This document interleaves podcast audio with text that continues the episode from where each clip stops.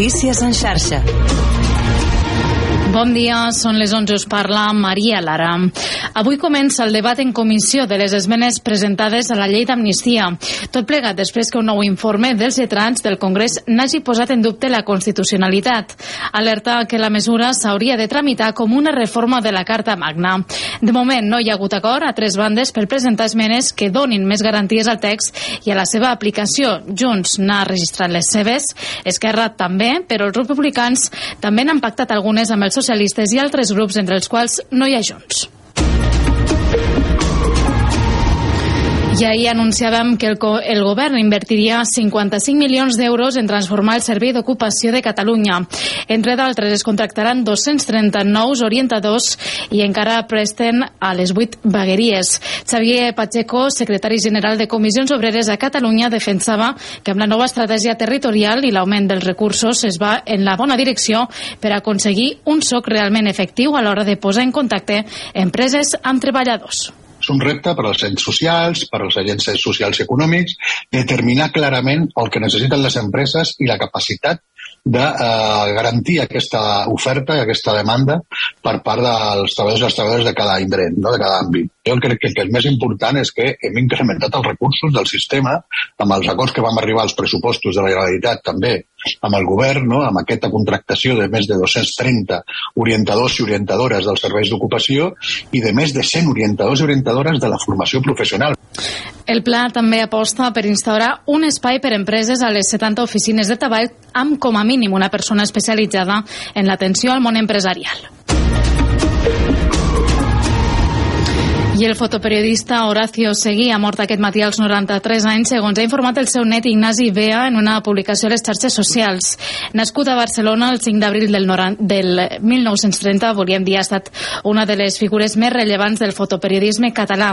El seu llegat el formen retrats del món musical, polític i també esportiu de la Barcelona de la segona meitat del segle XX.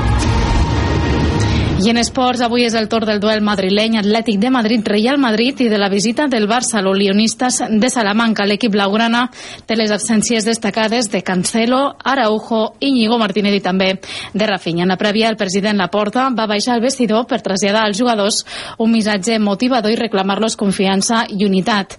Xavi ha estat més clar que mai i ha dit que si no guanya títols serà el primer que marxarà del club i que ara està sent amb confiança per guanyar. I això és tot fins aquí les notícies notícies en xarxa. Notícies en xarxa.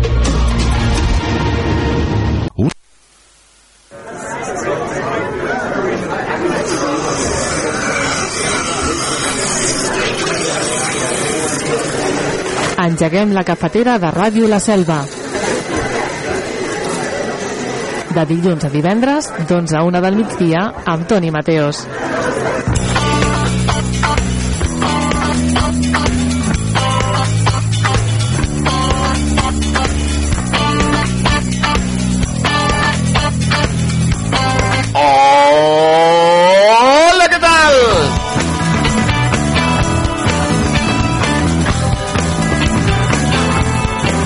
Passin, passin en directe. Miren, miren, miren, miren. Miren el que m'estan ensenyant. És que... Felicitats, Antonio. Gràcies, Toni. Disculpa, eh, Toni? Però ho dic en directe, eh? 30 anys que fa l'Antonio. No cal que ho diguis, això. Toni, que serveix... No pots venir després, eh? Sí, sí, aniré després, ara... ara. Ai, ai, ai, Ai, ai, ai, ai, ai, que caurà tot. Amics i amigues, l'Antonio, eh, el nostre director, l'Antonio Mellado, avui fa 30 anys, Déu-n'hi-do, déu nhi déu ja ha portat aquí un esmorzar espectacular. Havia d'arribar a les 10 del matí, però ha arribat ara. És que és una persona tan puntual. Mira, m'agafo m'agafo dolç de moment per anar tirant. A veure, m'agafo un d'aquests. Bé. Aquest. Bona elecció. Estan acabats de fer, eh? Aquest. Que bo, que bo, que bo, que bo. I... El salat també. De salat, de salat després, Antonio. Sí, que tinc 5 minuts. Tinc 5 minuts, que hi ha una notícia de 5 minuts. Ai, perfecte, mira. Felicitats a l'Antonio Mellado, vinga.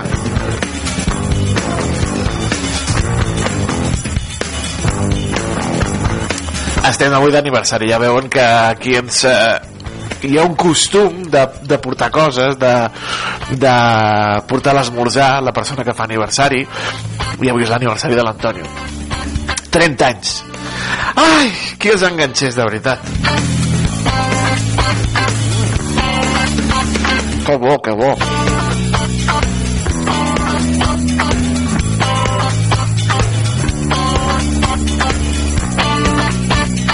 30 anys? No, boníssim. 30 anys i ja director d'una ràdio i una televisió. déu nhi Doncs avui estem d'aniversari, ja ho veuen, en el nostre programa d'avui, 18 de gener del 2024. Si es troben a l'Antonio per la selva gravant, ja ho saben, el feliciten, que potser els hi porta algú d'esmorzar. De,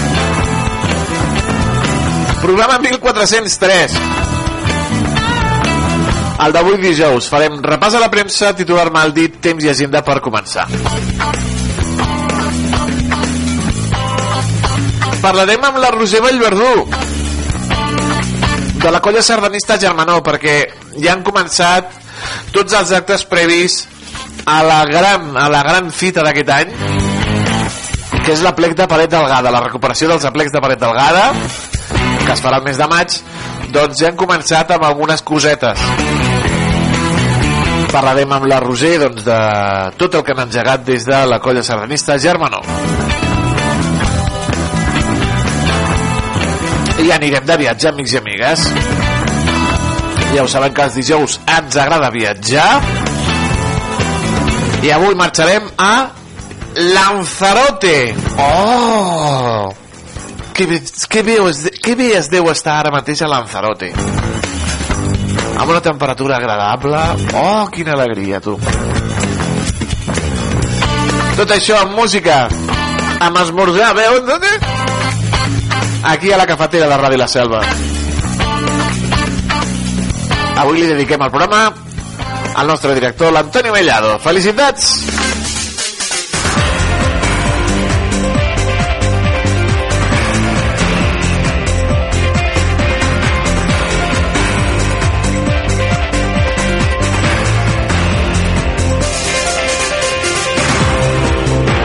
Boníssim, boníssim.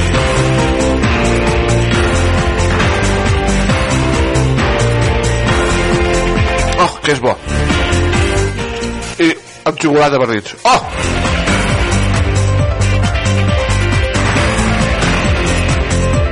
Adeu els propòsits de nou, eh? De menjaré menys xocolata. Nah. Anem amb les notícies amb l'actualitat que ens porten els companys i companyes de Canal Camp que ens parlen de una cosa que preocupa molt la violència a les aules. I d'una figura per aturar aquestes violències. Ens ho expliquen des de Canal Camp Coincidint amb l'inici del curs escolar al setembre, el Departament d'Educació de la Generalitat de Catalunya ha posat en marxa la figura del coordinador de coeducació, convivència i benestar de l'alumnat, el COCOBE. Els centres educatius de primària i secundària, siguin públics o concertats, han hagut d'anomenar un dels seus mestres per assumir aquesta tasca, que haurà de vetllar principalment pel benestar dels infants a les aules, alhora que proporciona eines a la comunitat educativa per evitar qualsevol tipus de violència dins del centre. A la Selva del Camp, els dos centres de primària i l'institut l'institut han designat aquesta coordinació a mestres amb diferents perfils professionals. Cada centre n'hi ha un i la figura de soc jo per les més que per ser la continuïtat de la persona que estava ja en el projecte de la convivència, després en la comissió de la convivència i per defecte l'ampliar la figura i les funcions doncs eh, s'ha cregut convenient que, que seguís sent jo la, la figura COCOBE. Jo sóc profe de, de llatí, no? Jo m'he format en matèria de gènere, en matèria de violències, en matèria també d'educació emocional, però al final sóc profe de, de llatí. L'Institut Joan Ferreter ja treballàvem sobre aquests temes. La part de coeducació la treballàvem des de la Comissió d'Igualtat, juntament jo i la Raquel Porcel, i la part de benestar es treballa des de la Comissió de Mediació jo ja tenia formació meva personal, però no sóc ni psicòloga ni psicopedagoga. Llavors vam decidir que era important l'escolta activa de l'alumnat. Venen, m'expliquen què els hi passa i jo sempre els hi pregunto com et puc ajudar i estic aquí per acompanyar-te.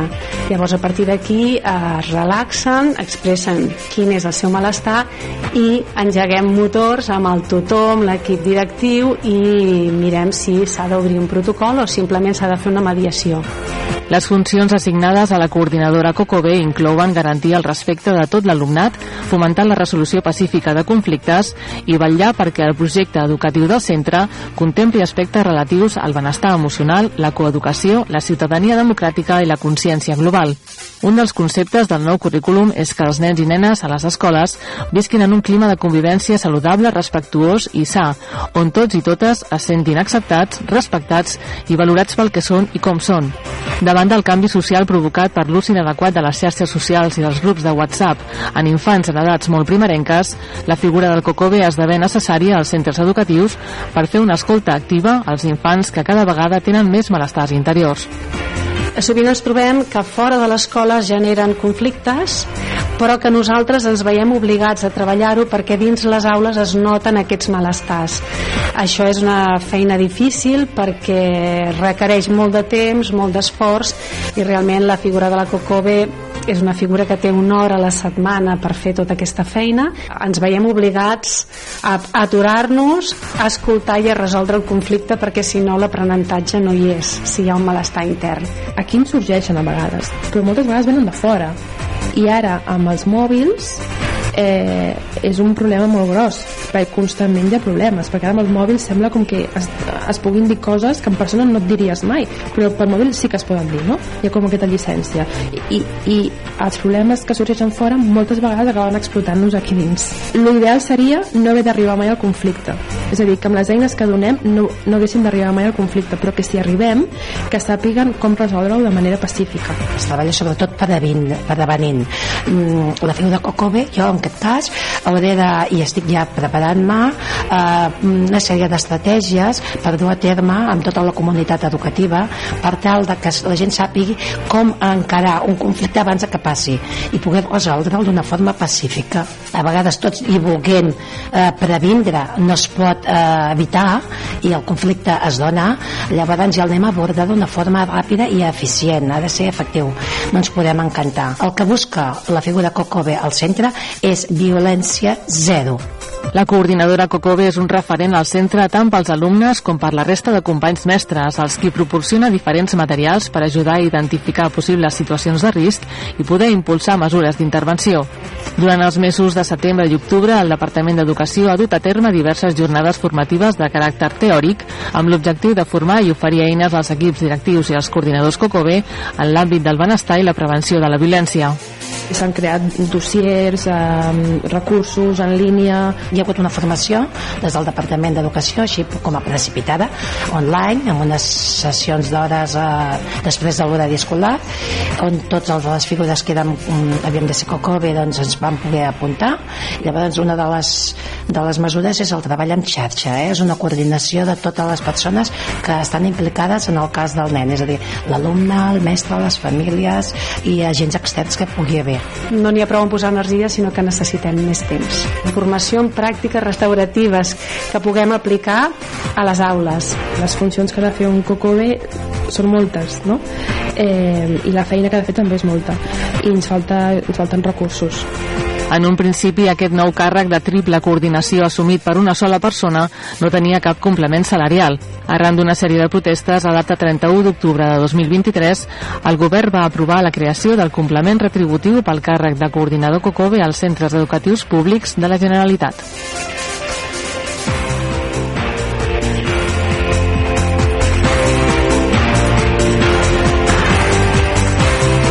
Aquesta i d'altres informacions ja ho saben, amics i amigues, a Canal Camp.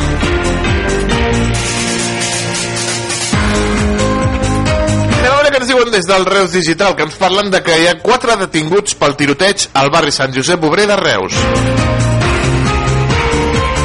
Una cinquena persona està investigada pels mateixos fets.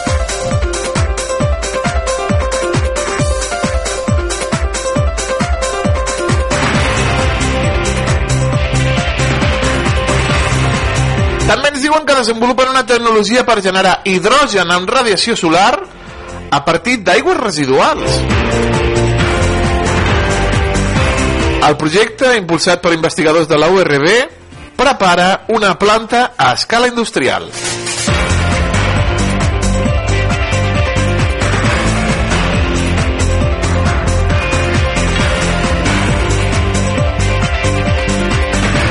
El Festival de Música Bombàstic arriba a PortAventura.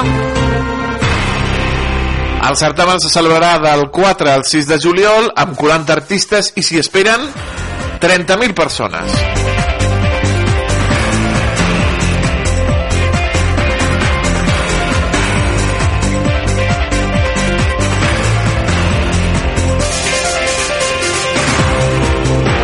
El cartell del, del, concert del festival es començarà a fer públic a finals de gener. Um, a veure, per què aposto? Aposto per uh, Lola Índigo.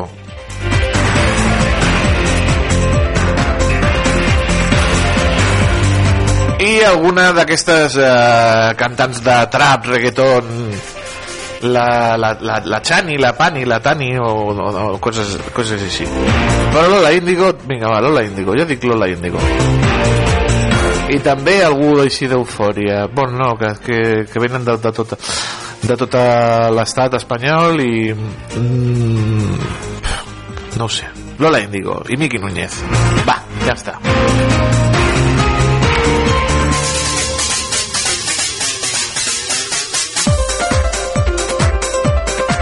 que està molt bé el que li agradi.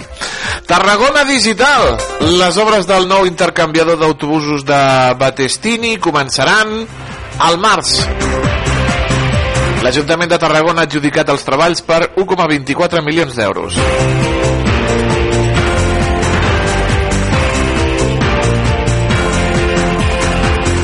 Acusen la Generalitat d'improvisar sobre el futur de la residència de gent gran de Reus.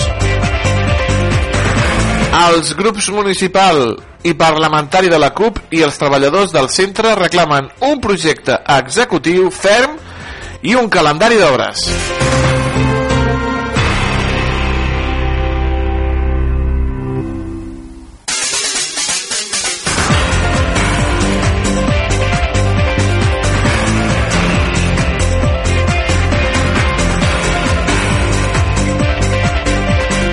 Les noves zones verdes i braves del Joan 23 entraran en vigor l'1 de febrer. Els veïns d'aquesta zona de Tarragona podran demanar la condició de residents a partir del 22 de gener, fent un pagament de 15 euros.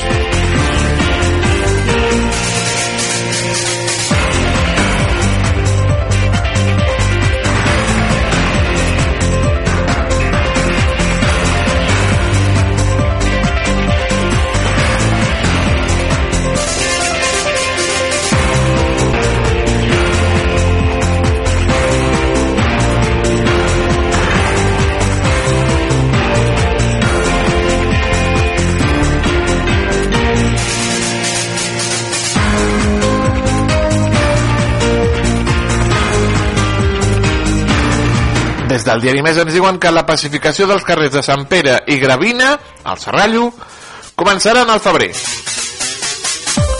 Aquesta actuació, que durarà 4 mesos, permetrà donar protagonisme al vianant en plataformes úniques.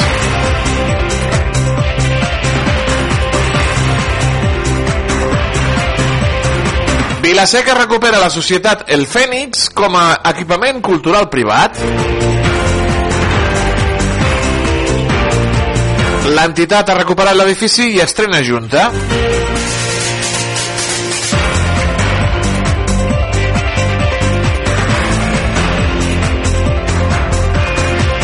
Pues té molt bona pinta aquest, eh, aquest espai, tu. Així una sala gran, diàfana... Allà es poden fer, doncs, eh, no sé, monòlegs, eh, teatre de proximitat... Molt bé, molt bé, molt bé.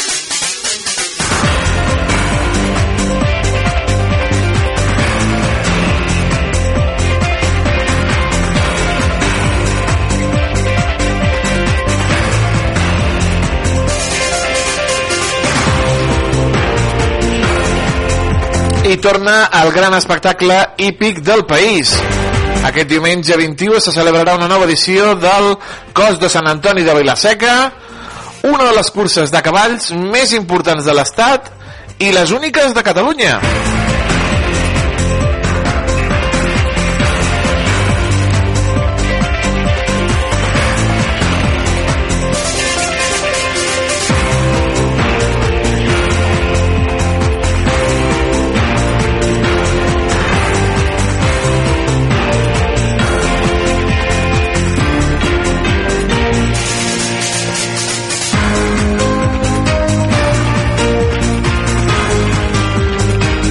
Anem a veure què ens diuen des del diari de Tarragona. Doncs que Mossos intervenen sis armes de foc en el tiroteig de Reus. La investigació continua oberta.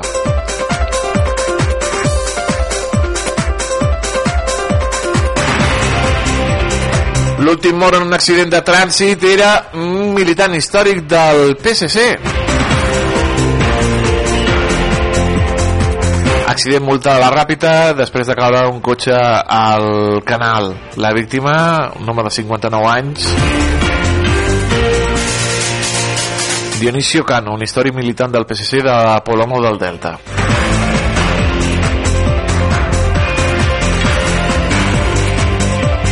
La reforma del Metropol costarà 4 milions amb un restaurant en la planta superior de l'edifici.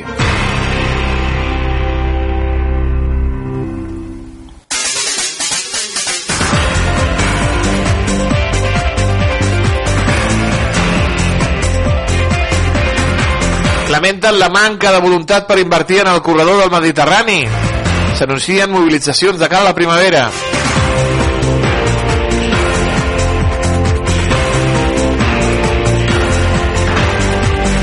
Nou joves tutelats i extutelats treballen en unes àrees de l'Ajuntament de Tarragona.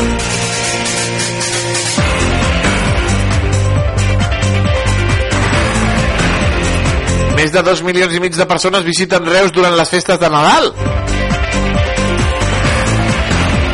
La major afluència de públic va ser el 24 de novembre coincidint amb l'encesa de l'enllumenat.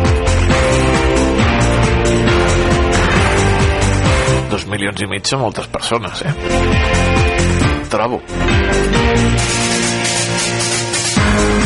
La reivindicació d'una nova comissaria de Mossos entre Calafell i Cunit en l'aire.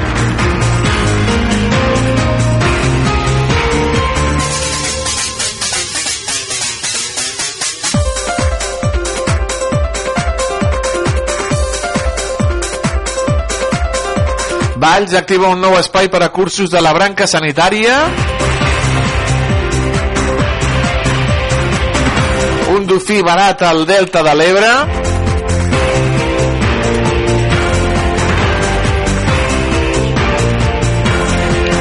Arancha Sánchez Vicario, condemnada a dos anys de presó.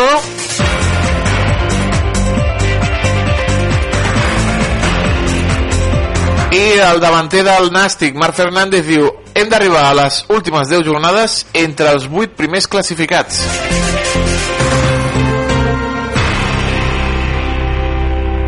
Per cert, Dani Alves assegura ara que anava begut i que no era conscient dels seus actes.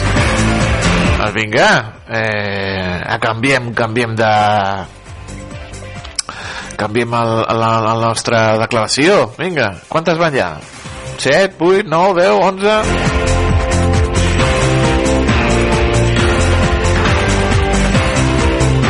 El turisme va aconseguir un 12,8% del PIB al 2023.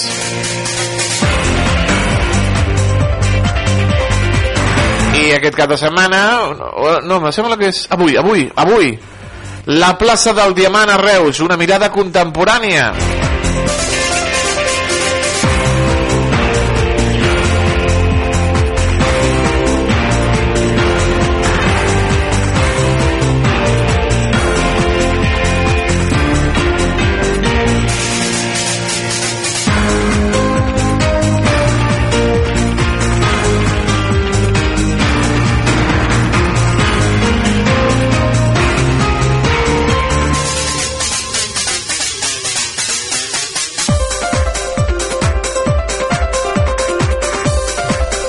La síndica s'activa pel cas Ripoll. Ho diuen des del periòdico, arran de la informació sobre les dificultats que l'alcaldessa eh, de Ripoll, Sílvia Oriols, posa als migrants per empadronar-se, el síndic de Greuges, que dirigeix Esther Jiménez, ha reobert un estudi per analitzar els obstacles dels ajuntaments als ciutadans que volen realitzar aquest tràmit obligatori.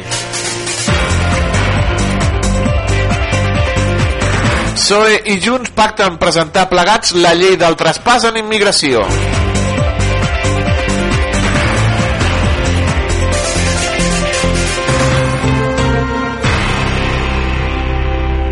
A Milei veu Occident en risc per obrir-se al socialisme. Vaja.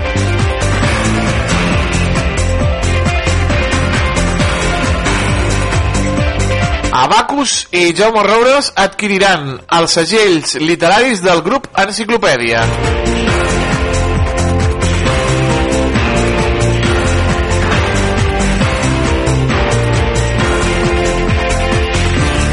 Aprovada la taxa de terrasses amb una rebaixa per les més petites a Barcelona.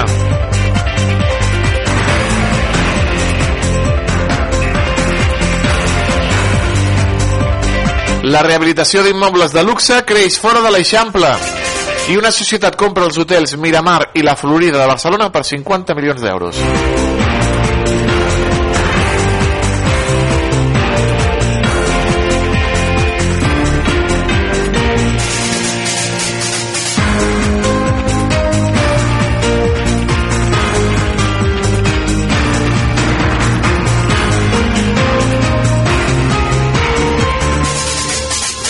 Sánchez Vicario evita la presó malgrat ser sentenciada a dos anys? Dani Alves diu ara que anava borratxo i que no era conscient dels seus actes?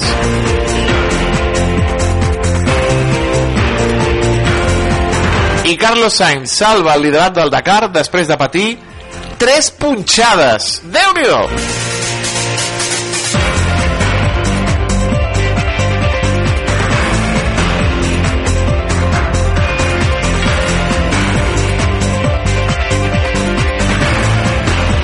El punt avui.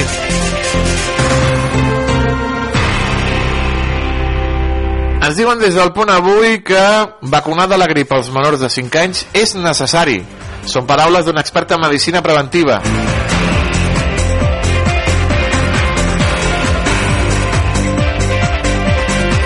La Constitució només canviarà el terme disminuïts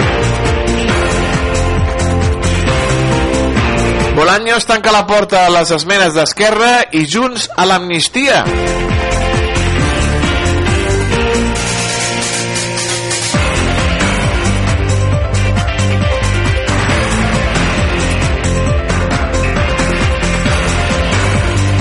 També ens diuen des del punt avui que impostos municipals més cars per culpa de la infrafinançament dels ajuntaments.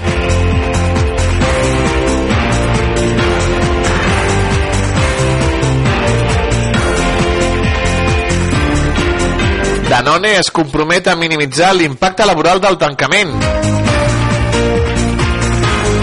Crida de Càritas i Creu Roja per recollir mantes a Manresa. El Pakistan ataca bases insurgents en territori de l'Iran. Ai. Ucraïna demana als seus ciutadans que evacuïn la frontera nord.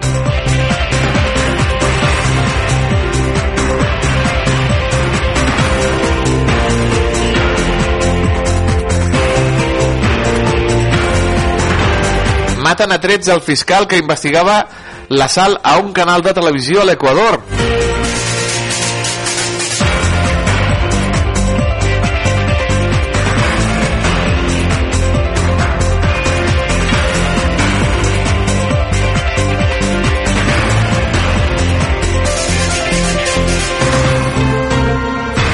Roger Conesa publica Andressa, un disc entre la cançó d'autor i la música tradicional.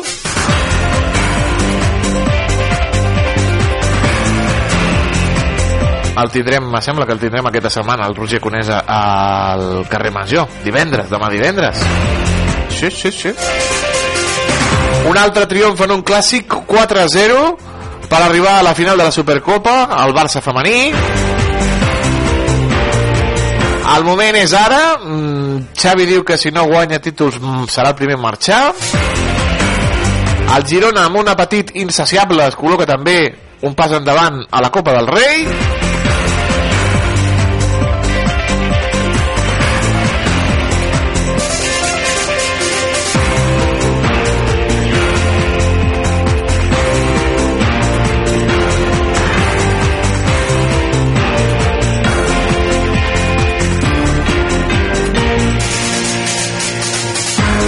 Amb aquestes notícies esportives, amics i amigues, ja ho saben, posem el punt i final a la repassada que fem diàriament de les notícies aquí, a la cafetera.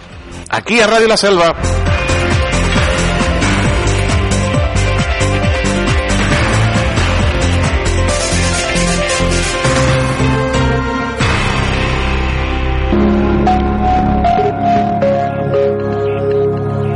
Hola, ens trobem amb un dimecres de cel molt variable i canviant. Des de Sant Celoni, mirant cap al Montseny, ens hem trobat amb aquest cel mig ennublat durant aquest matí, però també cal dir que ha arribat la precipitació. Precipitació que abarca alguns punts de Catalunya aquest dimecres. En les imatges del satèl·lit Meteosat veiem aquesta nubulositat com va avançant de oest cap a est. Tot i això, s'obren clarianes per ponent, però no ha acabat de desaparèixer aquesta inestabilitat. Amb les imatges del radar meteorològic veiem justament aquestes precipitacions que són en conjunt de caràcter feble i dispers que deixen precipitacions minces en molts casos però sí és cert que al vessant sud del Pirineu aquí la precipitació és més persistent, més moderada i per exemple avui ja portem acumulats més de 30 litres per metre quadrat. I mantindrem una situació similar al que resta de jornada. Cel variable, estones amb sol, estones amb nublades i precipitació cada cop més concentrada cap al vessant sud del Pirineu aquí amb acumulacions de precipitació que al final del dia podrien arribar a voltar els 50 litres per metre quadrat a les cotes més elevades. I també cal dir que tot i els núvols, les temperatures d'aquest dimecres són molt suaus a migdia, superem els 20 graus a les comarques del nord-est i bufa un vent de sud-oest bastant moderat, fins i tot cops forts o molt forts a cotes elevades i això implica també un atge alterat cap al sector del litoral català. Aquest dijous també tindrem encara vent de sud-oest marcat i també un atge cap a la costa catalana, tot plegat amb unes temperatures que de matinada vegades sí que podran ser una miqueta més baixes, però encara l'ambient no serà massa fred per l'època de l'any i fins a mig matí o migdia pot aparèixer encara alguna precipitació cap al vessant sud del Pirineu. A la tarda, en principi, ja no esperem precipitació, però restes de núvols sí que hi haurà cap al Pirineu, sol cap a la resta del país, però amb l'arribada d'alguns núvols pel terç oest cap al final del dia i encara aquest onatge no acabarà de minvar. Mantindrem onades importants al llarg d'aquest dijous a la costa catalana, per tant mantenim un avís per onatge entre aquest dimecres a la tarda i dijous amb aquests punts indicats en color groc perquè les onades aquí poden arribar a superar els dos metres i mig d'alçada. I un canvi notable de temps ens ha d'arribar divendres amb una pertorbació que pot portar precipitacions bastant generals, localment moderades i atenció perquè les cota, la cota de neu pot arribar a baixar per sota dels 1.000 metres la segona meitat del dia. És una situació que cal anar seguint dia a dia i de moment sembla que això sí, un cop marxi la pertorbació de divendres hores. Al cap de setmana el temps serà força més tranquil, amb algunes boires a ponent durant el matí i amb temperatures de nou hivernals, temperatures en clar descens a llarg de divendres. És tot des del Meteorològic de Catalunya.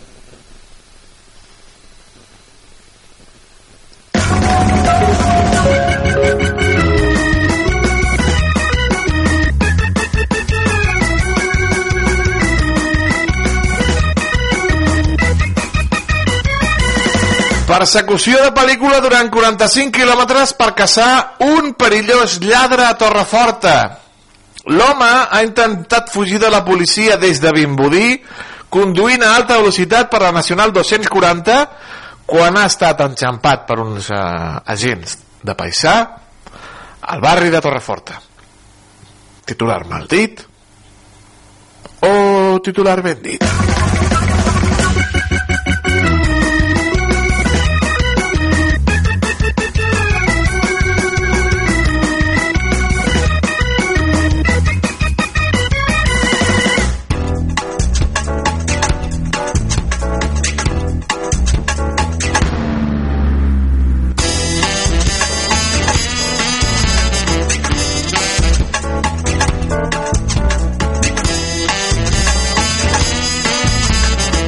Sintonia de la nostra agenda que ens diu que avui el dol a través de la cultura.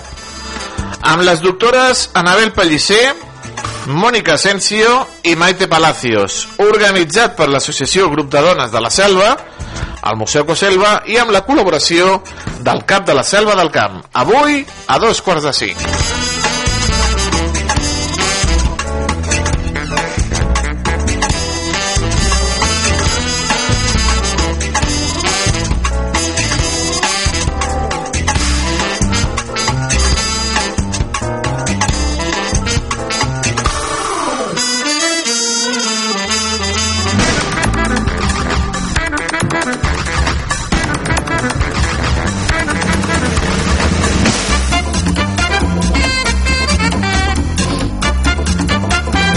Demà divendres, l'hora del conte en anglès amb Room on the Broom a les 6 de la tarda a la Biblioteca Infantil a càrrec de la Lourdes Simó.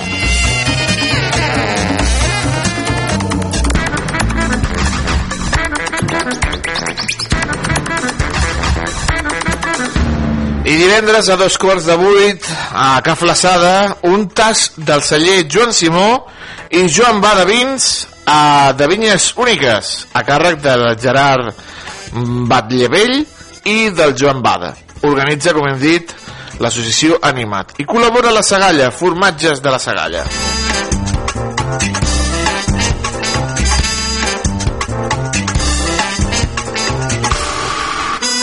Dissabte, actes previs de la plec de Paret Delgada. Per què entenc la poesia com un llum que crema? A càrrec de Jordi Llavina. Uh, L'autor farà doncs, un repàs als seus poemes, organitzat per la colla sardanista Germanó de la Selva del Camp, dissabte a les 12 al Castell.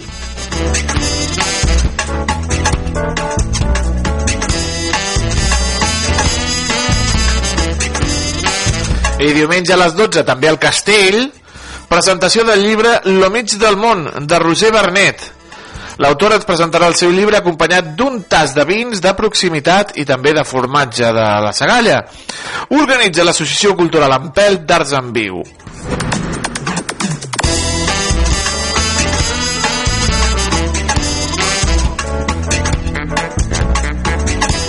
I diumenge a dos quarts de set a Ca Flaçada, Cristos Barbas, Nabil Nair, Laia Puig i Pau Puig. Concert de música folk de Grècia i de Catalunya.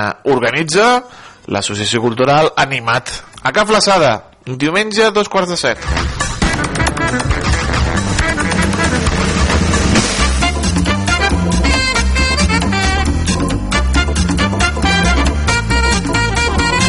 Tanquem la nostra agenda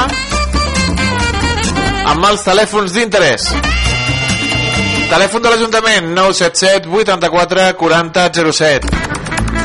Telèfon del CAP 977 84 57 58.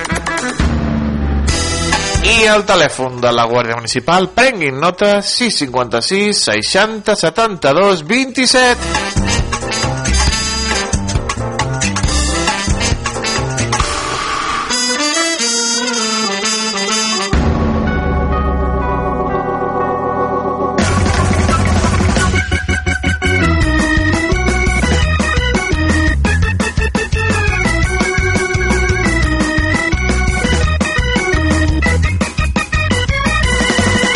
Persecució de pel·lícula durant 45 quilòmetres a tota velocitat per caçar un perillós lladre a Torreforta. L'home ha intentat fugir de la policia des de Vimbodí a alta velocitat per la Nacional 240 quan finalment ha estat detingut per uns agents de Paisà a Torreforta. Doncs és un titular... No chido nada. Grábalo, grábalo. Es policía. Es policía. Un titular ben dit, amics i amigues. Quieto, policia. Ya está apuntando. Estás apuntando. Ah, Que l'està apuntant perquè és un lladre perillós, estimada. És un lladre perillós. Sí, amics i amigues. Els fets remunten a primera hora de la tarda d'ahir, quan la patrulla de Mossos va detectar a Vimbodí un criminal amb dues ordres de presó pendents per diversos robatoris. Quan el lladre es va donar que la policia el perseguia, va agafar el seu cotxe i a tota velocitat per la Nacional 240, mentre els Mossos d'Esquadra activaven efectius en diverses comissaries en direcció a Tarragona. El lladre va accedir al barri de Torreforta. Allà uns agents de paisà el van localitzar i van fer que el seu cotxe doncs acabés aturat el van enganxar i el van immobilitzar. I hem sentit a, no salgas, no salgas, no te muevas! Sí, sí, sí, sí. Al carrer Riu Tordera del barri de Torreforta. I després van arribar les diverses patrulles dels Mossos i van detenir el Pinxo. Mira tu, mira, com, com, no salgas, no salgas! No. Grábalo, grábalo. Es policía. Es policía.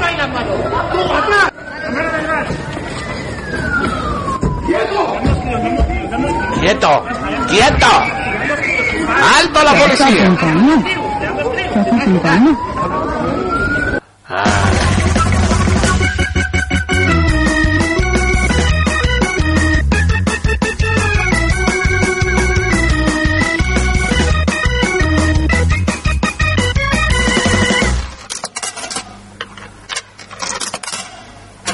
A Ràdio La Selva, La Cafetera. Amb Toni Mateos.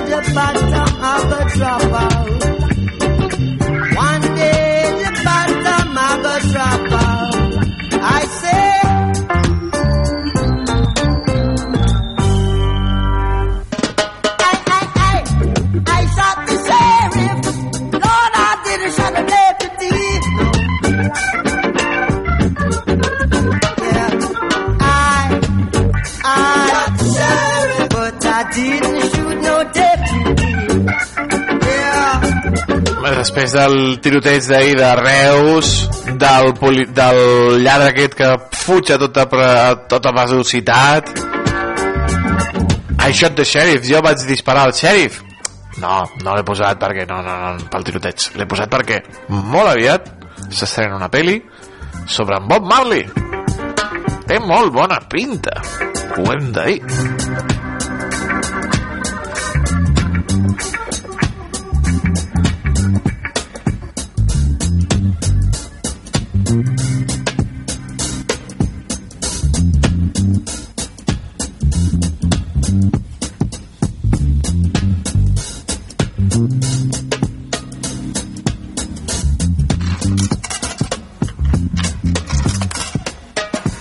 Ràdio La Selva, La Cafetera, amb Mateos.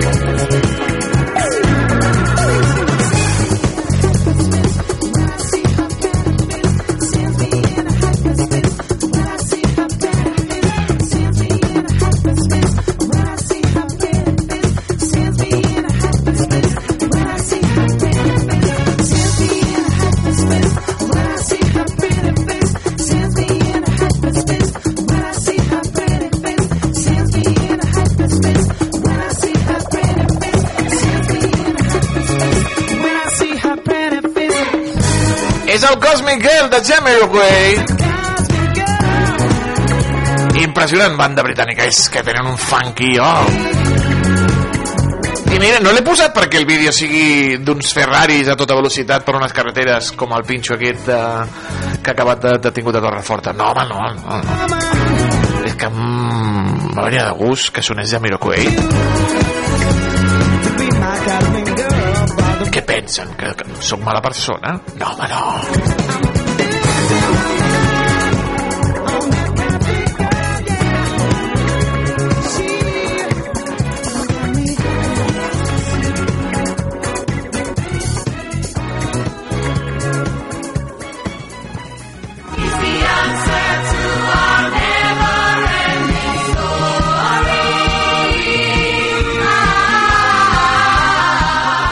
El dissabte 24 de febrer, el Rodamont visita el Teatre Apolo de Barcelona per veure el musical La història interminable.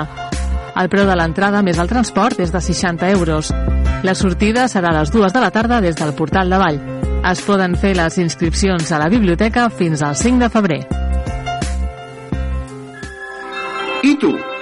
Quin esport practiques? Al pavelló municipal de la Selva del Camp trobaràs les instal·lacions més completes amb un gran ventall d'activitats dirigides. Ara, en noves franges horàries.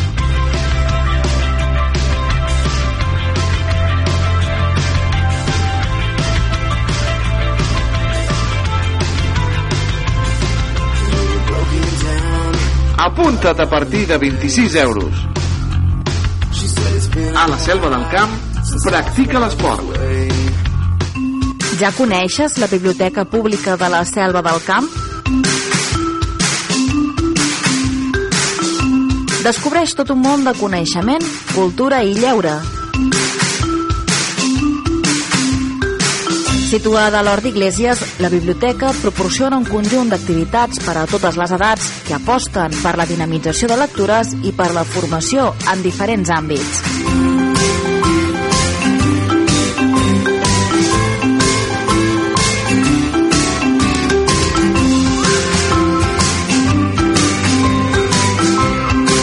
Biblioteca Pública de la Selva del Camp. El coneixement a prop teu.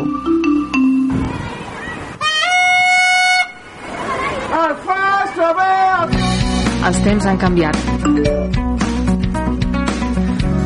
Tot el que necessites saber del teu poble en només un clic a l'aplicació per a mòbils de l'Ajuntament de la Selva del Camp.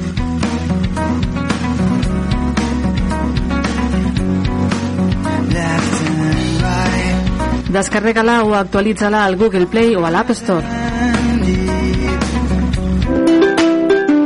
Restaurant Moes. Aquí trobaràs esmorzars de forquilla, entre pans freds i calents, brasa i menús per 9 euros amb 90. Pots trucar al telèfon 977 844 864 977 844 864 per reservar taula o encomanar-ho per emportar. El nostre horari és de dilluns a dissabte de 6 del matí a 4 de la tarda.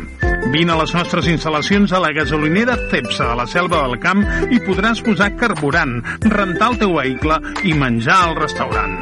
T'esperem a Moes. Carrer Major, el programa de les emissores del Camp de Tarragona. Cada dia de 4 a 6 de la tarda, el que passa al Camp de Tarragona t'ho expliquem amb la major redacció d'un programa de territori quilòmetre zero. Periodisme de proximitat, continguts de qualitat, amb Anna Plaza i Toni Mateos. Carrer Major.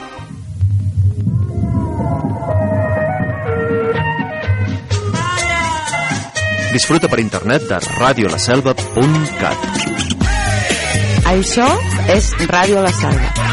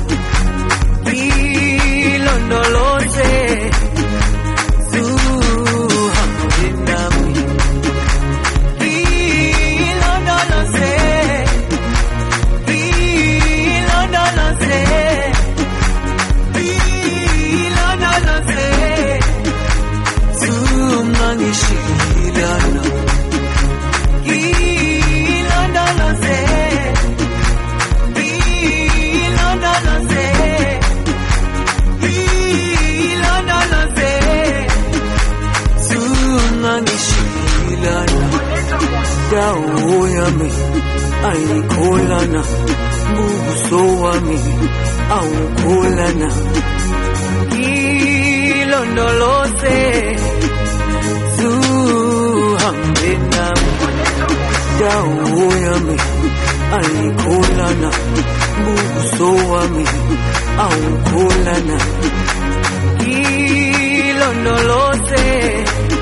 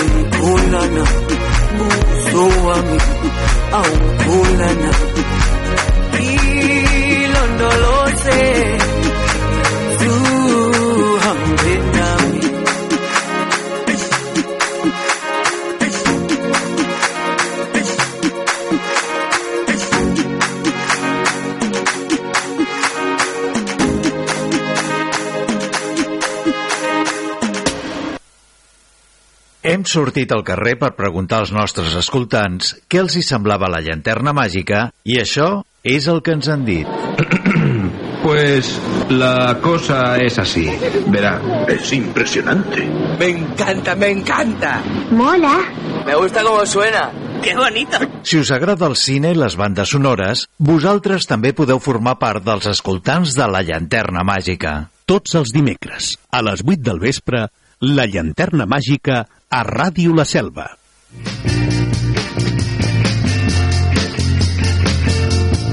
Hola, sóc el Joan Comas des de Ràdio La Selva i això és una altra història. Jenny said when she was just five years old, there was nothing happening at all. Cada divendres a les 8 del vespre i cada dissabte a les 6 de la tarda sonaran unes quantes cançons d'un cantant o d'un grup i n'explicaré alguna cosa. Al 105.8 de la FM i a radiolaselva.cat.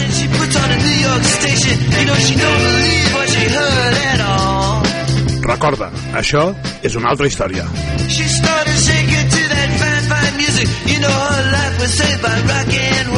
Ja sabeu què és el Festa Festa? Festa Festa és el programa de cultura popular i associacionisme cultural que s'emet per la ràdio i a internet. Tots els divendres, a les 9 del vespre i els dissabtes a les 7 de la tarda, a Ràdio La Selva, de la Selva del Camp. Festa, festa! Amb Amadeu Carbó.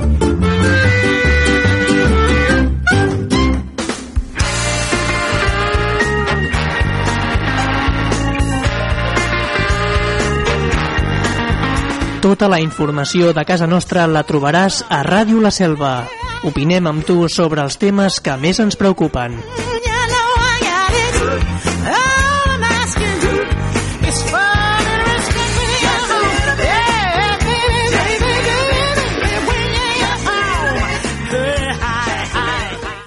No ho puc evitar, ja no sé com fer-ho, m'ha arribat a les mans. Un coti ben salsero que ha mogut tot el mercat, no me'l puc treure del cap. Si vols aquest secret, doncs per tres l'has de canviar. No ho puc evitar, ja no sé com fer Míteles, míteles com ballen. Eh, una de les sardanes més famoses, bueno, sardana, no, no sé si es pot considerar sardana, una sardana moderna. treure del cap si vols aquest secret Anem a parlar de sardanes, anem a parlar de la colla sardanista Germanó. Tenim els estudis de la cafetera, a la Puri Vázquez i a l'Eulàlia Llevat. La saludem.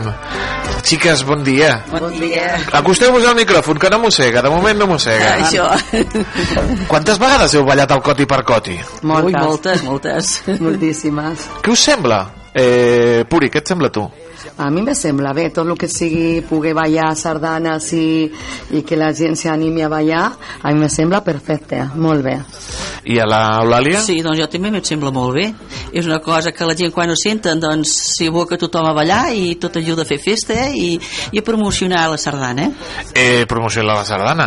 Han fet molt, molt, molta cosa, no?, aquesta cançó, el Coti per Coti. Jo em penso que sí. Ha costat la sardana als joves, que potser Sí. la desconeixien. Sí, que sí, que sí. I amb, cosa, i amb l'excusa d'aquestes, mira, tothom s'aixeca i tothom balla o fa el que eh, doncs, mira, bonament sap. Bueno, el que bonament sap, sí, sí. I en cada concert dels, dels tiets, doncs, es munta allà una sardana improvisada i tot això. molt bé, molt Sí, bé. sí, molt bé. També la feina que feu vosaltres des de la colla sardanista Germanó per acostar la sardana, per donar a conèixer la sardana, és espectacular.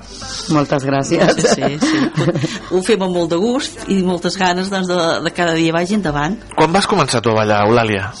Bueno, jo ballava, ballava amb el disc de la festa major al poble, que soc del Moster. Uh -huh. Però doncs com aprendre'n vaig començar aquí que va vindre el Jaume Virgili a Sí? ensenyar-se'n. I llavors doncs, me va agradar i continuo. I d'això ja fa uns, Uns quants anys. Uns quants anys? 11, No, quin, 13 o 14. Sí, molts 13 o anys, sí, 14. quan 13 o començar aquí a 14. l'Hort d'Iglesias i van anar fent, sí. I, I la Puri com va començar a ballar sardanes?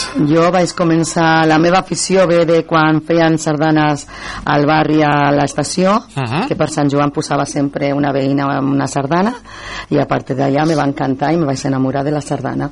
I vaig començar a ballar igual que l'Eulàlia, quan el Jaume Virgili va vindre a la selva. Molt bé, molt bé.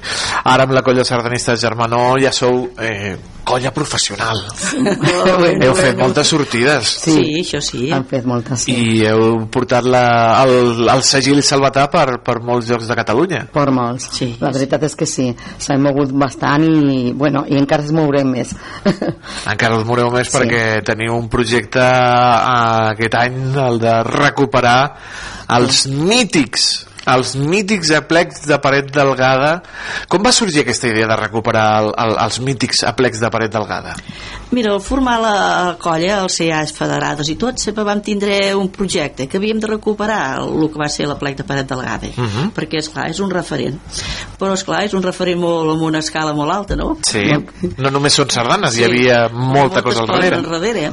I, bueno, i vam dir, doncs, bueno, ho hem de fer. I, i no sabíem com, però, bueno, ho hem començat a fer i, i, i, bueno, tenim ganes doncs, de tirar-ho endavant i estem molt il·lusionades a veure com sortirà. De ganes n'hi ha moltes. Mhm. I d'això d'il·lusió, però hi ha molta feina. Suposo, Puri, que era de visitar altres aplecs Reus, Tarragona, ciutats, pobles del voltant, Sí. que us va engrescar a la gent de la colla sardanista Germanó a dir, ei, podríem fer una pleca a la selva i si ja parlem de la selva, tothom li ve al cap Paret Delgada. Paret Delgada és un referent a tot arreu on vagis i sempre la gent se preguntava que com és que la selva, sent un poble tan important, no tenia colla sardanista. Mhm. I ja quan s'han enterat que feien la plec, ja, vamos, està tothom molt il·lusionat i, bueno, suposo que a veure com anirà tot, perquè també fem molts actes previs i aquell dia, a veure, a veure com sortirà tot. Esperem que surta molt bé perquè ho feien amb molta il·lusió. Com ha dit la Puri, actes previs a la plec de Paret Delgada que serà el mes de maig Sí. d'aquest 2024 Sí. eh, actes previs hem de dir el documental Paret Delgada, un fil d'esperança fet, produït, parit per la gent de Canal Camp què us ha semblat a vosaltres com a, com a sardanistes o com a, o com a gent de la selva per exemple a la, a la Puri què li ha semblat el, el Ah. documental? A mi m'ha semblat pre preciós, o sigui, està molt ben fet, recull tot el que en aquella època se vivia i s'ha sorprès tot el que se feien perquè va haver un dels aplers que va haver cinc cobles Mhm. i avui en dia cinc cobles és que és impensable que, i tot el que se movia al darrere tota la cultura, llibres, cantants importants jo penso que va, això va ser una una cosa sense precedents aquí a la selva i, a, i arreu de tot el territori Mm, I per l'Eulàlia què li ha semblat el fil d'esperança? és veritat un fil que quan lo veus doncs veure el que van fer aquelles persones en aquell temps i el gran sacrifici que van tindre i, i no sé, t'agafa com una cosa d'emoció que veure com van lluitar en aquell temps aquella gent Mhm.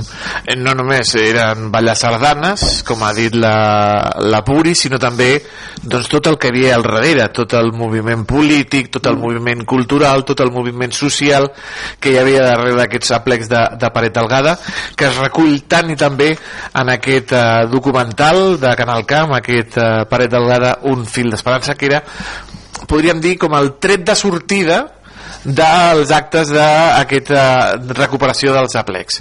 Eh, què més heu fet durant aquests dies? Bueno, doncs mira, ara el dimecres passat vam anar a la Casa de la Sardana a Barcelona Sí. a presentar doncs, l'UFI d'aquest projecte, va estar Mhm. molt bé, molt ben rebudes i molt contents tothom. Ara el dissabte, el dia 20, també ja farem eh, una obra teatralitzada que vindrà el Jordi Llavina, aquí al castell. Bé, Jordi Llavina... Sí, ja... Eh, no és salvatà, però és com Sí. si fos salvatà. Sí, no és salvatà, però com si fos salvatà. Té molt interès per El poeta, com, com heu enredat el, el Jordi Llavina? Doncs no ho sé, hi ha d'altres també que han col·laborat molt a muntar tot això i tenien una mica més de, de, de coneixença i el van cridar i ells de seguida es va dir que sí, que vindria. Fantàstic, fantàstic. El No? dia de 20 serà un d'aquests actes. Eh, Llavors també serà el dia... Uri, quin dia? el dia 20 de gener I l'altre, el dia 20... el dia 20 de, de, de gener Aquest dissabte? Sí. Sí, ve el Jordi, és la, farà l'obra teatralitzada que ja l'ha dit l'Eulàlia Uh -huh. i després farem vermut Bé. perquè clar, tot el que estem fent també s'ha de dir que és per recaudar també una mica de diners Uh -huh. perquè clar, per a la plec també necess- necessitem molta col·laboració Uh -huh. i llavors una de les maneres que, que, que han trobat és això, pues, eh, con la col·laboració del Jordi Lla- Llavina i molta més gent que hi ha al darrere Sí. doncs posarem la gent que vulgui al Un final, vermutet. fer un vermutet i col·laborar I els diners que recaptin doncs, aniran destinats Sí. a, a la plec de Paret Delgada Sí, exacte. del, del mes de maig. Sí. Més actes previs que Sí, tindreu. El dia 24, també de, llavors de febrer, farem una cada mes. Uh, Ahà. A les 12 també llavors ens serem a Santa Llúcia. Farem una conferència amb Robert Gerard, amb Joan Sí. Magraner, el compositor de la Home, selva. home, que, que, que el Joan Magraner, aquest sí que és de la Sí, selva. sí, sí, sí. Bueno, eh, se'l disputen, ciutat, se'l disputa Reus, eh? Sí, també, sí. Diu Reus, és no, no, no, no, el Joan Magraner és de la selva. Sí. Ve a parlar del, jove- del, gran, del gran mestre Robert Gerard, molt Sí, bé, molt, molt bé. bé. Sí, sí, Home, sí. heu escollit també un, un fora de sèrie, que és el Joan Magraner, Sí. que ho explica tot i ho fa tot tan fàcil, tan comprensible. Sí, sí. Molt bé, aquest serà el 24 de febrer a Santa Llúcia. a Santa Llúcia Sí. Mhm. sí. I bueno, llavors també tornem a fer la vermutada, perquè el, el que diem necessitem una mica de fondos. De, Molt bé, molt bé. la vermutada estarà present sempre Molt bé. Al març, què fareu al març? Al març farem una exposició també eh, que es donarà fotografies el senyor Marc Rovira eh, sobre la sardana, tradició o esport Mhm. i s'han a xerrar col·loqui també en Jordi Lara i Mhm. també una altra vegada amb el Magraner una altra vegada amb els de Magraner doncs farem aquesta xerrada sí. una, aquest on es farà? el, a veure, a veure on se farà el dia 9 de març 9 de març sí. però no som... no teniu encara No, lloc- encara està sense... sense, sense lloc Sense lloc, bueno, no sí. pateixin Sí. perquè no sé ja serà el castell o serà a Santa A Santa Llúcia a Santa Llúcia, al castell o al mes de març ja que comença a fer una mica de Sí. millor temps potser es Sí. fa a l'aire lliure ja anirem informant des d'aquí, des, de, Sí. des de Ràdio La Selva al mes d'abril A l'abril tengo una xerrada en la llibreria Ona sí? que a Barcelona Uh -huh. I llavors eh, el moderador serà també el Jordi Llavina. Molt bé. I l'Ernest Toda Uh -huh. y tam- bueno estará el eh, la entrevista será con el Carlos Rovira que ya ho he dit ¿no? no bueno. No l'havia dit? Bueno pues la, la conferència que esta serà el Carlos Rovira, Molt Rovira i l'Ernest Toda, Toda i, la, i el modera, modera, moderador perdón, serà el Llavina. El Jordi Llavina, molt Jordi bé, Llavina. molt bé el, vale. ah bueno i el, amb el Josep Lluís Carot Rovira. I, sí, i amb el Joaquim Guitar i el Joaquim Guiter, Guiterma, clar, clar, que encara està, me sembla que no sé si està confirmat però bueno, farem tot el possible que pugui venir sí, serà una xerrada a Barcelona Home, Sí. home, a Barcelona, a la llibreria Ona sí. sí. aquesta serà el mes d'abril d'abril no, aquest serà el març Al ja. març. al març, El també març, sí, el març. Sí, al març, Cada mes perdó. ne fem una, doncs, saps? Mhm. El Al gener, març. el febrer, el març. al serà març en feu dues Dues, sí. El març l'exposició de fotografies l'exposició de fotografies i la xerrada la xerrada allà. a Barcelona, molt rebé, molt rebé Sí, sí. i a l'abril tenim alguna coseta? Home, a l'abril... Una cosa especial a l'abril del tot. serà el fort. Vindrà l'Arnau Tordera. l'Arnau Tordera Sí, sí, sí. El músic d'Obeses? Ah, sí, sí, sí. sí, sí. I qui vindrà a fer aquest senyor? Doncs mira, es vindrà a fer un concert. un Ah, concert.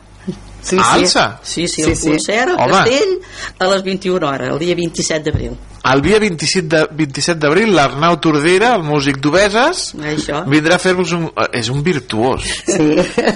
home, aquí el, el director de- d'aquesta casa l'Antoni Mellot és molt fan de la- de l'Arnau Doncs- Tordera Doncs mire, pues està convidat a venir-lo a veure Mira, mira, mira, farà un concert Sí, sí. a l'Arnau Tordera al Sí. Castell del Pavorde Sí.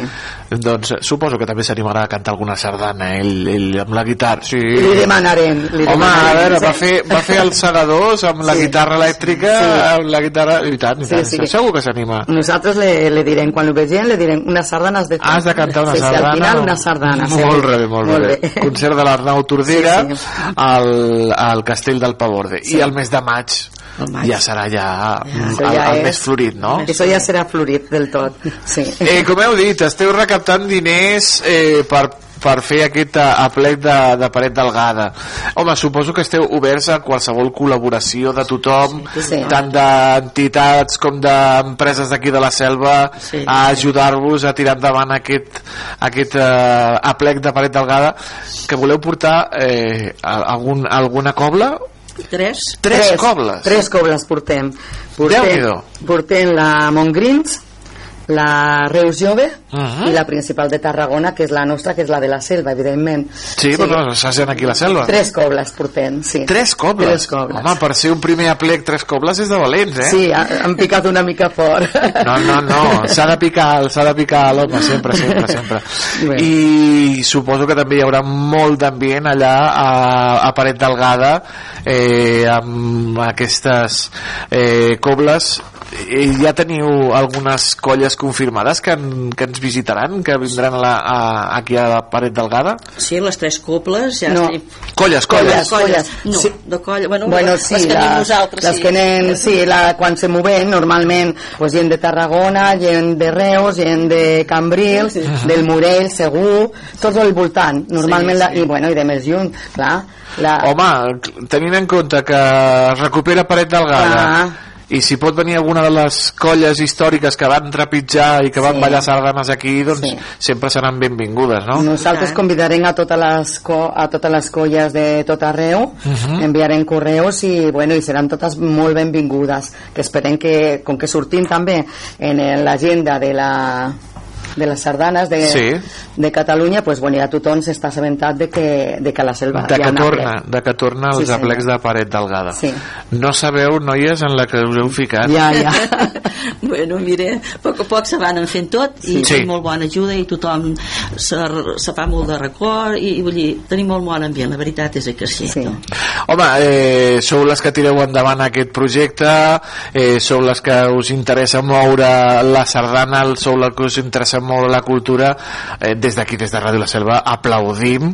Us vigilarem ben de prop. Moltes gràcies. Tots aquests dies, aquest, aquest cap de setmana amb el Jordi Llavina, al mes de febrer també, eh, amb, amb la xerrada que fareu al, a Santa Llucia, mm. al març amb l'exposició de fotografies i la visita al, a, la, a la llibreria Ona i el mes d'abril abril amb el concert de l'Arnau Tordera al Castell del Pavorde estarem ben atents Molt bé, doncs. i us anirem informant de tot el que passa amb aquest eh, renou amb aquest enrenou de la tornada de la ben tornada eh, a plecs de paret delgada amb l'empenta de la colla sardanista Germanó i amb l'empenta, entre d'altres, de la Puri Vázquez i de l'Eulàlia Llevat, que avui ens han visitat aquí a la cafetera.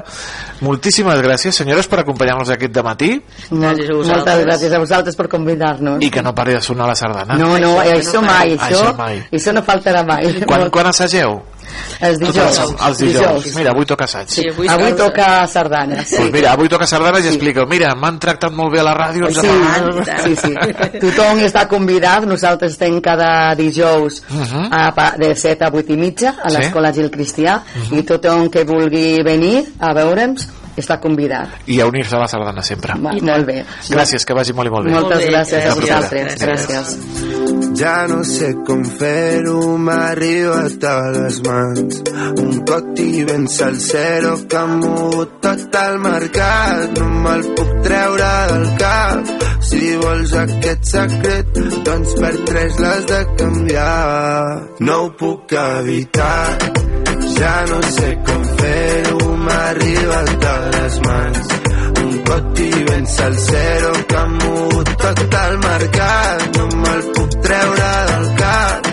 Si vols aquest secret, doncs per tres l'has de canviar. No em vull saber res.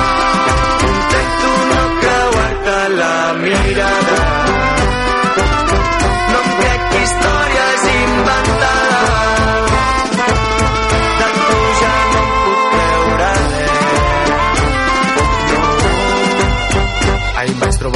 l'Aleix i em va dir que tenia cotis Posseïa info, tenia bones refes No sabia per què, però s'ajuntaven les notis El mercat està palmant i tu estàs holding Tira la manta, peli de terror, no vulguis córrer la sort del traïdor.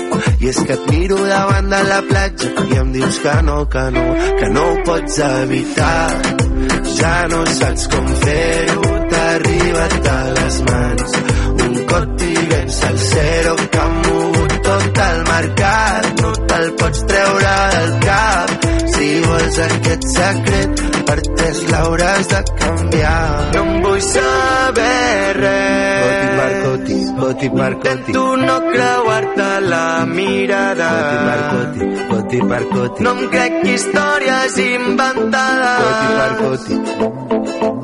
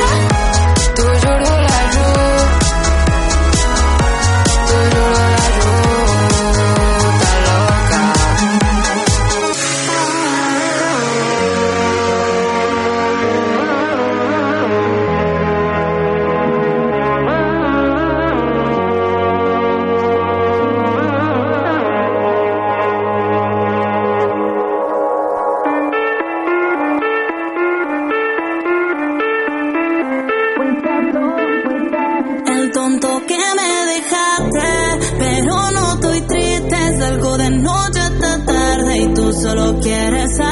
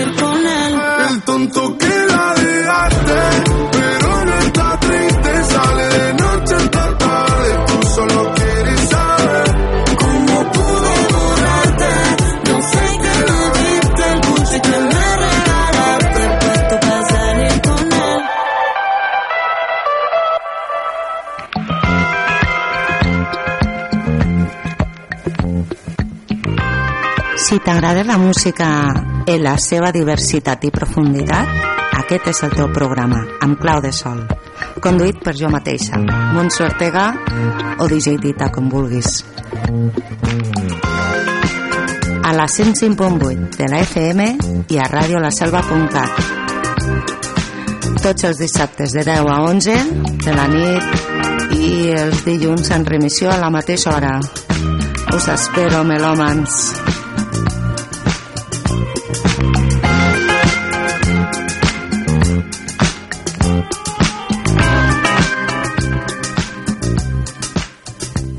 Banderes i banderoles de tots colors. Un cercle de carruatges tronats. I al vell mig, una gran carpa tota ratllada de blanc i vermell. Benvinguts al Circ Petit. Obre la porta, amant del dimoni! Sí que tens la meva elefanta! Miro la meva bola i veig clarament com et toca la loteria i et cures del refredat. El nostre estimat pallasso, Manric de l'Enric. Enric, has de sortir. No puc, no puc, sense nas no puc sortir. Dos, un... I aquest fort aplaudiment al nostre home va vingut de terres molt i molt llunyanes, arriba en Salim, el nostre increïble fakir. El genís fa màgia, no miracles. Mm? Doncs quin xurorama. Cada setmana a la Moxiganga. No t'ho perdis.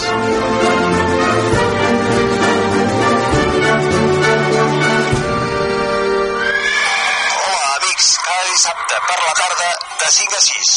Escolteu Jungles Country!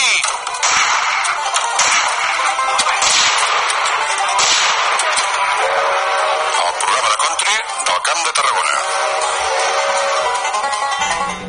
You wander through the willows in the forest. You Al 105.8 de la FM podràs obtenir respostes, compartirem informació, investigació, un programa conduït per la Sílvia Santos dissabtes de 7 a 8 a Ràdio La Selva. Escolta V de Victòria.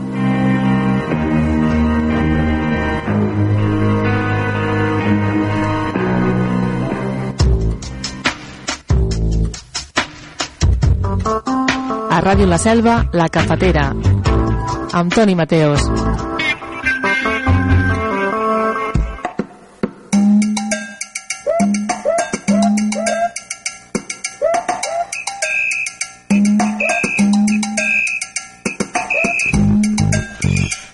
Doncs després de la música del Carlos Sadness, anem a viatjar.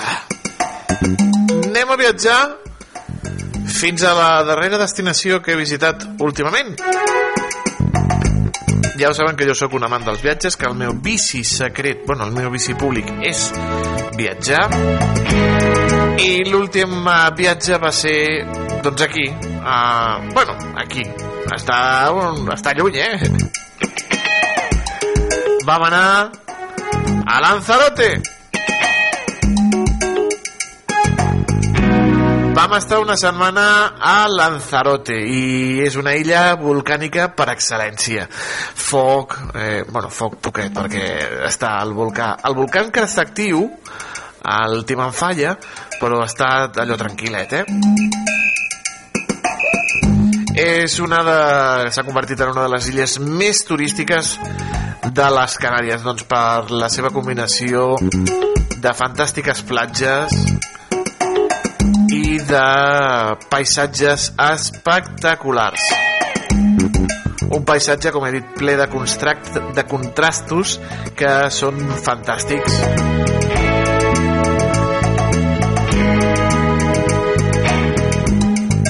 Com he dit, una setmaneta. És una molt bona una molt bona estada en aquesta illa, la illa de Lanzarote, una setmana doncs, per gaudir al màxim possible. Fer allò combinació d'un dia de descans a l'hotel i un altre dia de visites, i així més o menys. Dues coses importants a fer a Lanzarote un cop s'ha arribat. El primer és llogar un cotxe o aconseguir un mitjà de transport. Llogar un cotxe hi ha una empresa que es diuen Cabrera Medina que estan a totes les Illes Canàries són les que més ho dominen però són les que millor preu tenen ja els hi aviso, millor preu tenen i millors cotxes tenen. A l'aeroport, doncs, eh, llogar-lo des d'aquí, des, de, des de casa seva, a través d'internet, buscant eh, alquiler cotxe Lanzarote, Cabrera Medina, és molt bona. Nosaltres vam llogar un Fiat 500X, un cotxe maco, molt nou, no tenia ni 11.000 quilòmetres, molt, molt nou. Feia també aquella olor a cotxe nou que, que tant ens agrada. I un cotxe d'aquests que diuen categoria sub, doncs perquè mm, podíem haver agafat un cotxe més petit, un Fiat 500, per exemple, o un cotxe doncs, utilitari. Però com eh, et fiques en pistes en, carre en carreteres que no estan asfaltades d'aquesta illa per visitar llocs, doncs potser et pots quedar una mica si no tens un cotxe potent et pots quedar una mica encallat. I nosaltres per aquesta opció vam optar per un Fiat 500X que ens va anar molt i molt bé.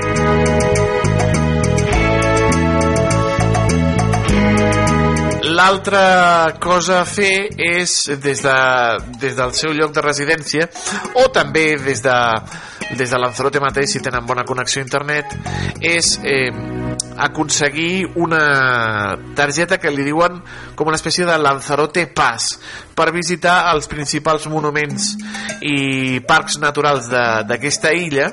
Aquesta targeta de Lanzarote Pass l'important és tenir a prop una, una impressora perquè han d'imprimir-lo i amb aquesta, amb aquesta impressió un cop arribin a, per exemple al Parc Nacional de Timanfaya ells els hi donaran el tíquet de visites.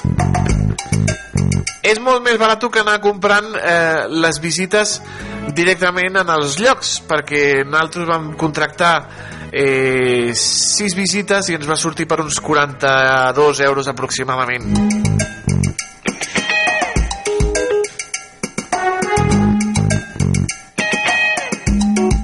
vam estar allotjats a la localitat de Playa Blanca eh, una localitat molt turística.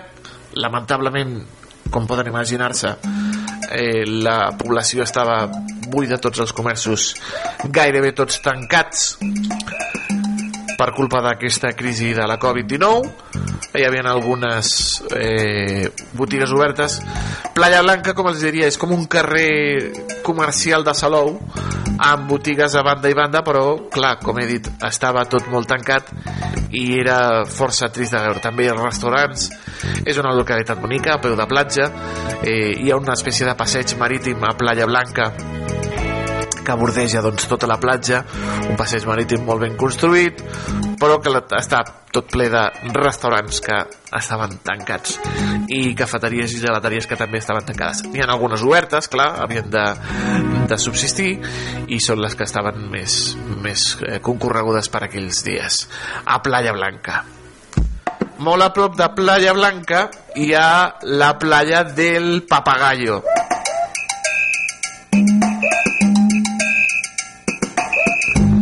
Potser pensen que Lanzarote no relacionem Lanzarote amb platges paradisíaques, però aquesta de playa del Papagayo doncs sí que ho és. És una zona doncs, eh, una mica desèrtica, coneguda com Punta del Papagayo, molt a prop de, de Playa Blanca.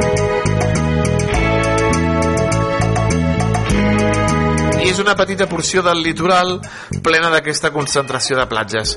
Com he dit, la més famosa i espectacular és la playa del Papagayo,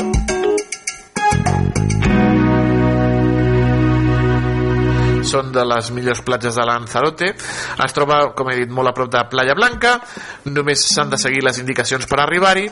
I hi ha una espècie de tassa de, de taxa de pagar que em sembla que van ser 3 euros per aparcar eh, en aquell pàrquing i poder arribar fins a Playa Blanca. Ai, perdó, fins a Playa Papagayo.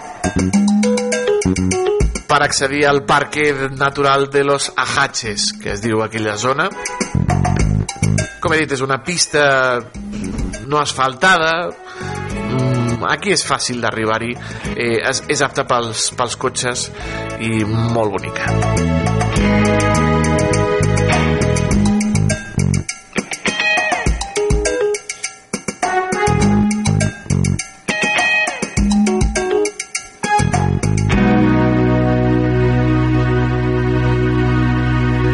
arribar de, de Playa Blanca doncs el següent dia després de visitar Playa Blanca i Playa Papagayo anem al Parc Nacional de Timanfaya. Podríem dir que és un dels parcs nacionals més espectaculars i eh, de, tota, de tot el de tot el país de tot l'estat espanyol i també el més diferent perquè pensen vostès en parcs eh, naturals i pensen en arbres doncs allò és com un desert de la Lluna. És com si fos el planeta Mart. Es podria rodar allà perfectament una pel·lícula perquè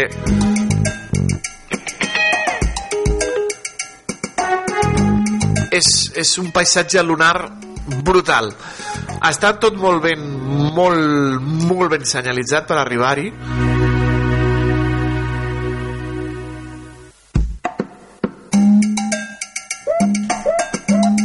com els he dit allà t'assagellen eh, el que és la, la, el tíquet d'aquest passi de turisme per Lanzarote. Un cop arribes a dalt eh, està força, força alt perquè és un, un volcà, ho recordem, és un volcà has de pujar amb el cotxe. Un cop arribes dalt doncs eh, aparques en aquella zona i et puges en un autobús.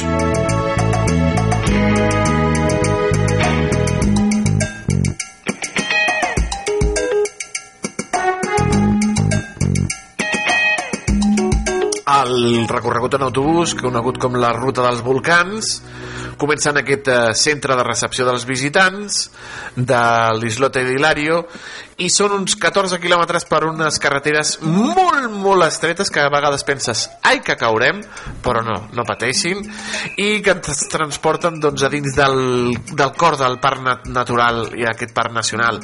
Eh,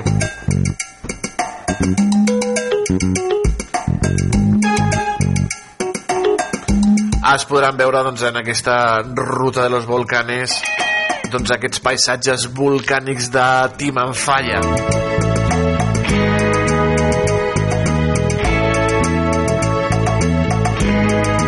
Amb una explicació a dins de l'autobús doncs de què va succeir com va eh, explosionar la, el volcà doncs fa més de 200 anys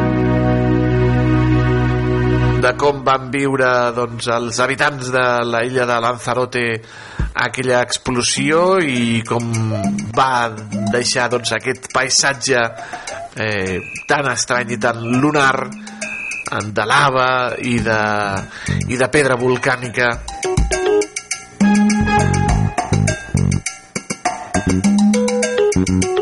un cop baixin de l'autobús, un altre cop al, al punt d'atenció, doncs hi ha una espècie d'atraccions eh, on t'ensenyen com està l'interior del volcà, que la, allò estàs al damunt d'un volcà i et fan veure doncs, que la pedra, el, el terra és calent, et fan tocar unes pedretes que estan calentes, que són el mateix terra del, de, que estàs trepitjant. I et fan unes demostracions doncs, de com cremen uns rostolls quan els fiques a dins del volcà, com encara aquest volcà és viu,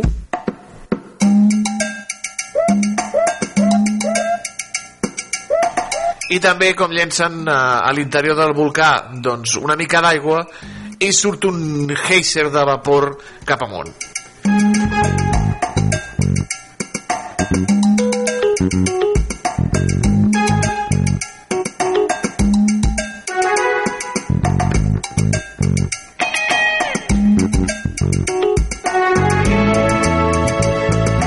meravellós del Google és que te fica aquí tot el que vas fer aquell, aquell dia. I, i clar, això ajuda força perquè nosaltres vam fer el Parc Nacional del Timanfaya i després doncs, vam visitar una miqueta una localitat que es diu La Santa que és una localitat eh, destinada al surf i al windsurf a, a la isla a la illa de Lanzarote. Casetes blanques, ja ho saben, però que es respira aquest, aquest ambient de surfero, no? aquest ambient de, de surf. I també eh, només de deixar aquell parc vam preguntar a uns dels eh, diguem-ne dels eh, de la gent que t'ajuda pel parc li van preguntar, escolti'm, un lloc per, per dinar aquí bé i a prop?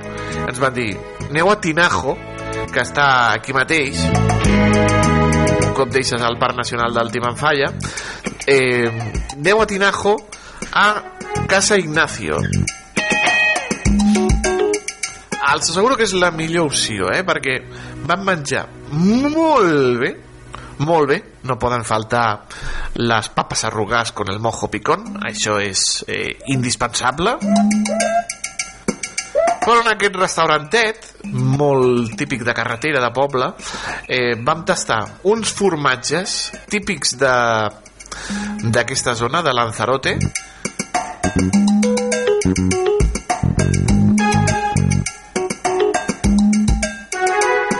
i la, la meva companya, la Carme, va tastar cabra, un guisat de cabra boníssim, molt tendre, cabra de, típica de, de les Canàries, i jo vaig menjar-me un eh, filet de eh, novillo.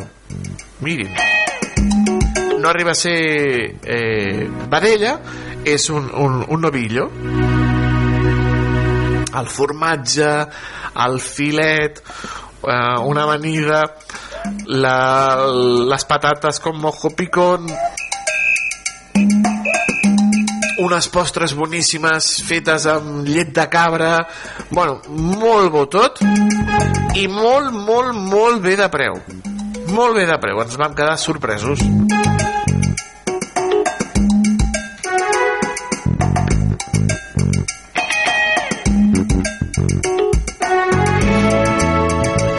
Vingues, continuem. Un altre dia, doncs, eh, és visita obligada anar a veure Los Jameos del Agua.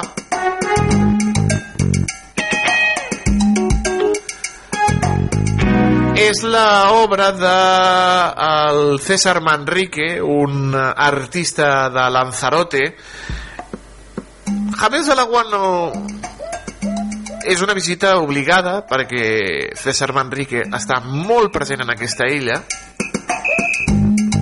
a mi no em va agradar del tot però a molta gent els hi encanta.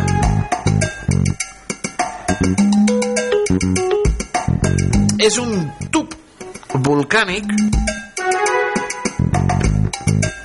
Un jameo és eh, una porció d'un tub volcànic eh, del qual li ha caigut el sostre i s'ha format allà una espècie de llac interior tot ple de crancs albins molt petits una espècie única en el món César Manrique va aprofitar lo especial d'aquest lloc per convertir-lo doncs, en un espai de visita obligat que desprèn doncs, molta, molta bellesa, no?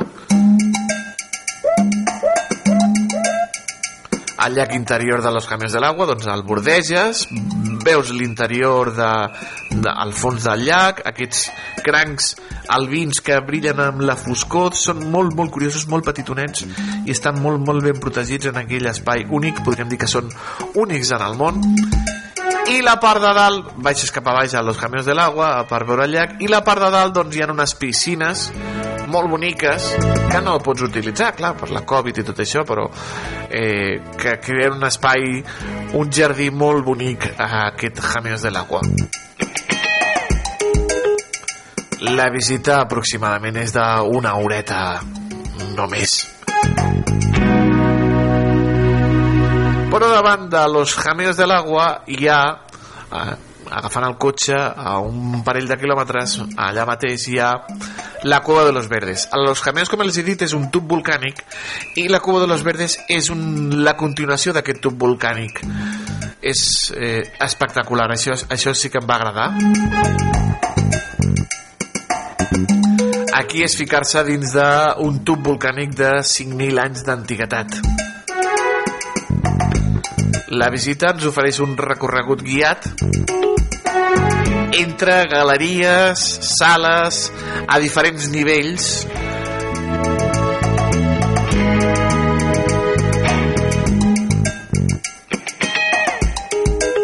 tot molt ben eh, explicat de com eh, va passar aquella explosió del, del volcà.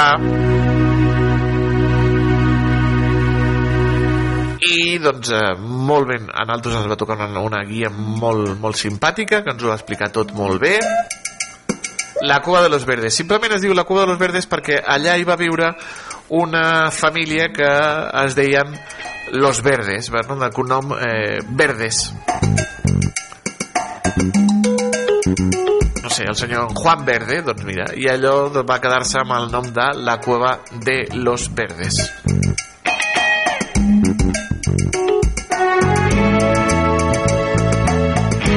entre los cameos del agua que l'entrada val eh, uns 10 euros los, eh, la cova de los verdes que també la cova val l'entrada uns 10 euros.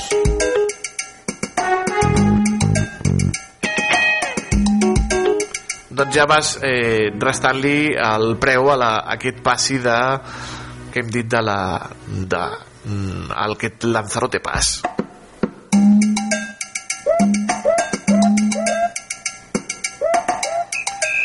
El Mirador del Río un altre lloc de visitar un pla imprescindible un lloc obligatori per fer a Lanzarote. El Mirador del Río és una altra obra també una panoràmica, una cafeteria creada pel César Manrique amb un fantàstic mirador del Río que a l'altre costat veus la illa de la Graciosa la que està considerada la vuitena o novena illa canària. I la panoràmica doncs ja els dic que és espectacular perquè estàs al mig de... veus l'oceà però queda tot molt calmat i sembla un riu. Anar-hi allà doncs està inclòs dins de les visites d'aquest eh, Lanzarote Pass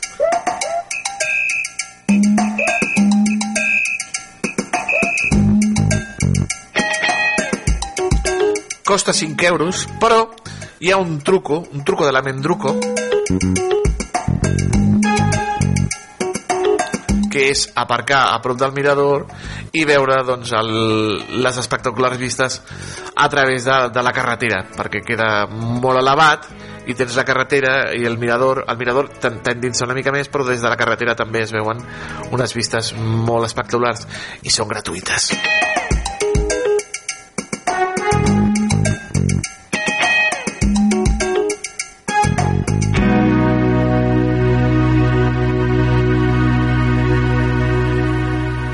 les ciutats de, de Lanzarote doncs n'hi han diverses ciutats. Diguem que la capital és Arrecife. Destacada Arrecife doncs una miqueta al, al port al port esportiu, bueno, al port pesquer eh, típic d'Arrecife. no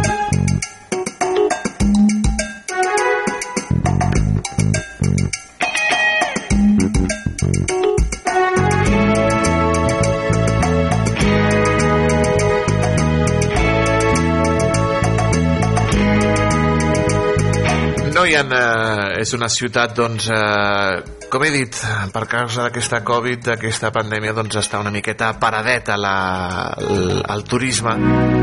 Ara sembla ser que les Illes Canàries tornen a estar en boga perquè a diversos països europeus han dit que és el territori més segur de tota la comunitat, un dels territoris més segurs de tota la comunitat europea, perquè els índexs de pandèmia són més baixos, perquè són unes illes que estan apartades i doncs han permès francesos, angle, anglesos, anglesos i alemanys, perdó, anglesos i alemanys han permès eh, de nou poder viatjar a les illes eh, Canàries, poder viatjar a Lanzarote i això doncs, espero que reactivi una mica el turisme.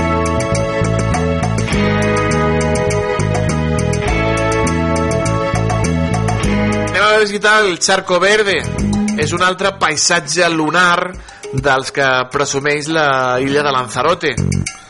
Una platja de sorra de color negre i sorra de color vermell que es fusionen amb un, eh, amb un charco, amb un toll de color verd. Una laguna de color verd de colors molt vius.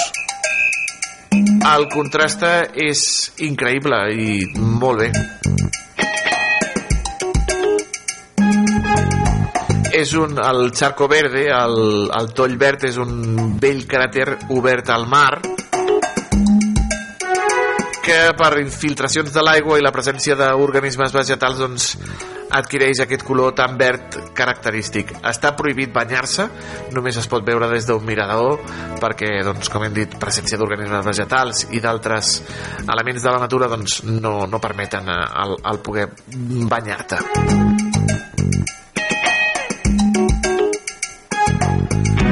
On sí que et pots banyar és a les piscines naturals de Los Charcones. És un lloc dels llocs més amagats de la illa. Arribar és molt complicat. Fiquin al GPS, nosaltres vam ficar Hotel Abandonado, ah, des de Playa Blanca vam ficar Hotel Abandonado i cap allà hi vas, perquè si fiquen Los Charcones el GPS es torna boig. Si fiquen Hotel Abandonado eh, hi arribaran.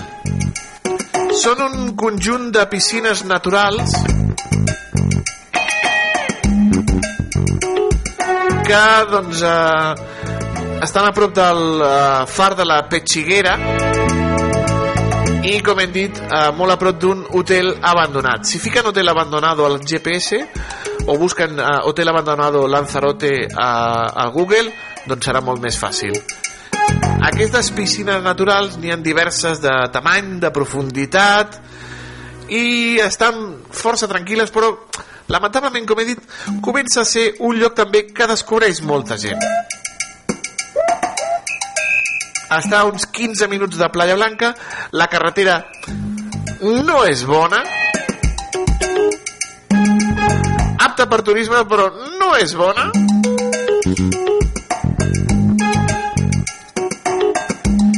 I després de relaxar-te a los charcones, doncs pots anar a veure los hervideros.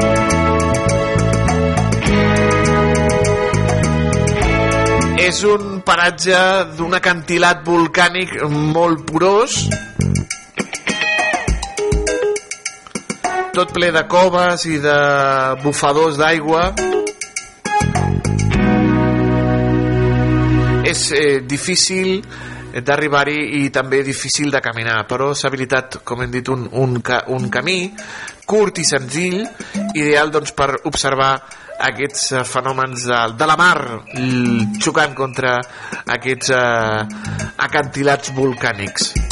Los Hervideros, una altra visita també per fer fotografia. I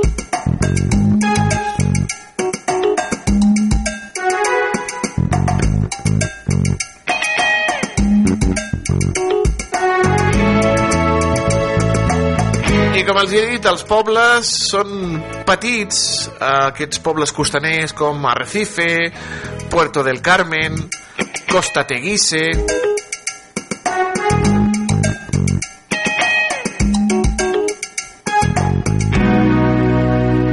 Però com els he dit amb aquestes visites de el Timanfaya, el Charco Verde,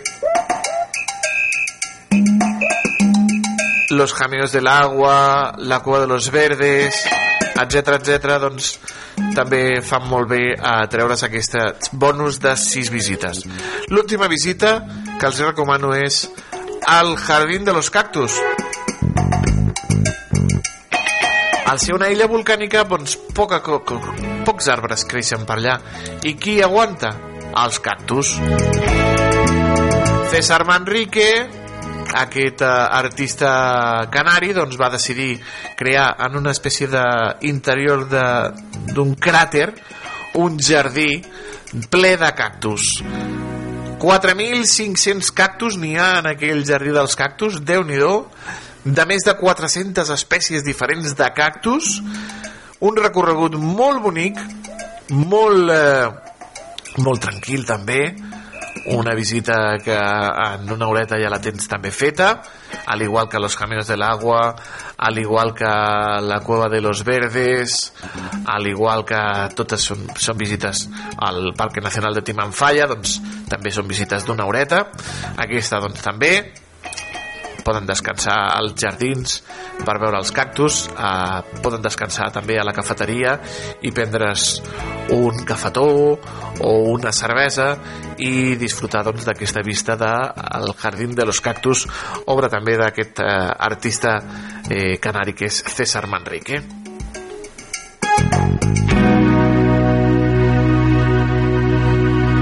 Com els he dit, poden anar combinant visita de cultural i un altre dia de descans. I així fer aquesta setmaneta a Lanzarote. Espero que hagin pres bona nota de tot el que els he explicat sobre aquesta meravellosa illa canària que és Lanzarote aquesta illa volcànica illa també paradisíaca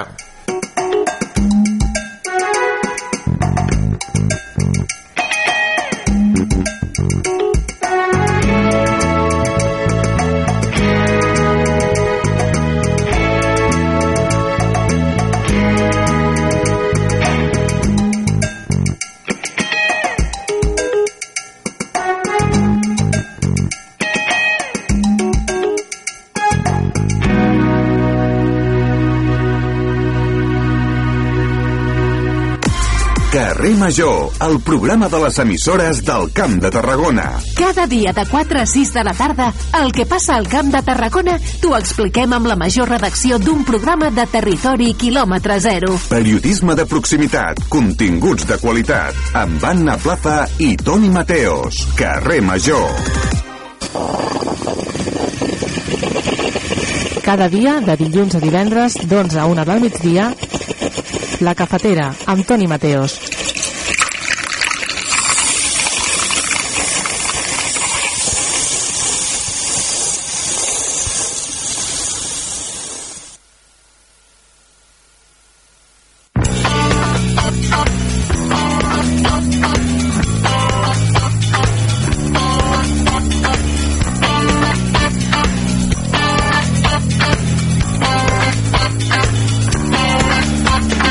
Doncs, amics i amigues, hem arribat al final del nostre programa.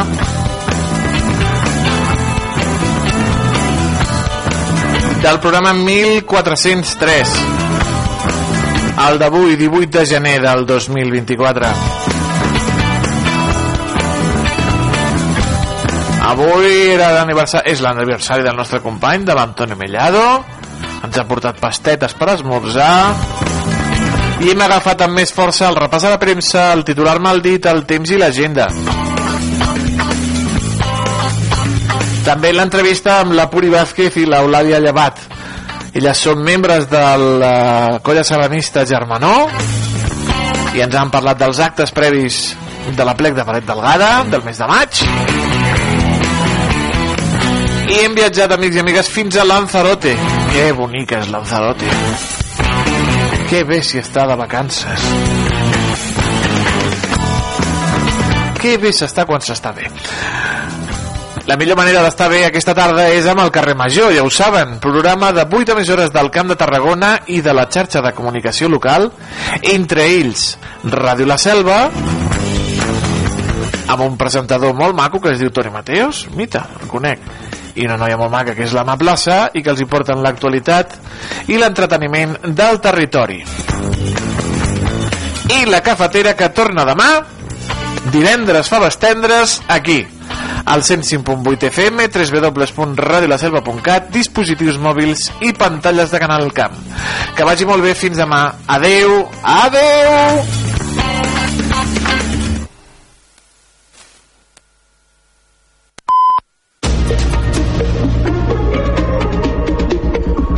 Notícies en xarxa.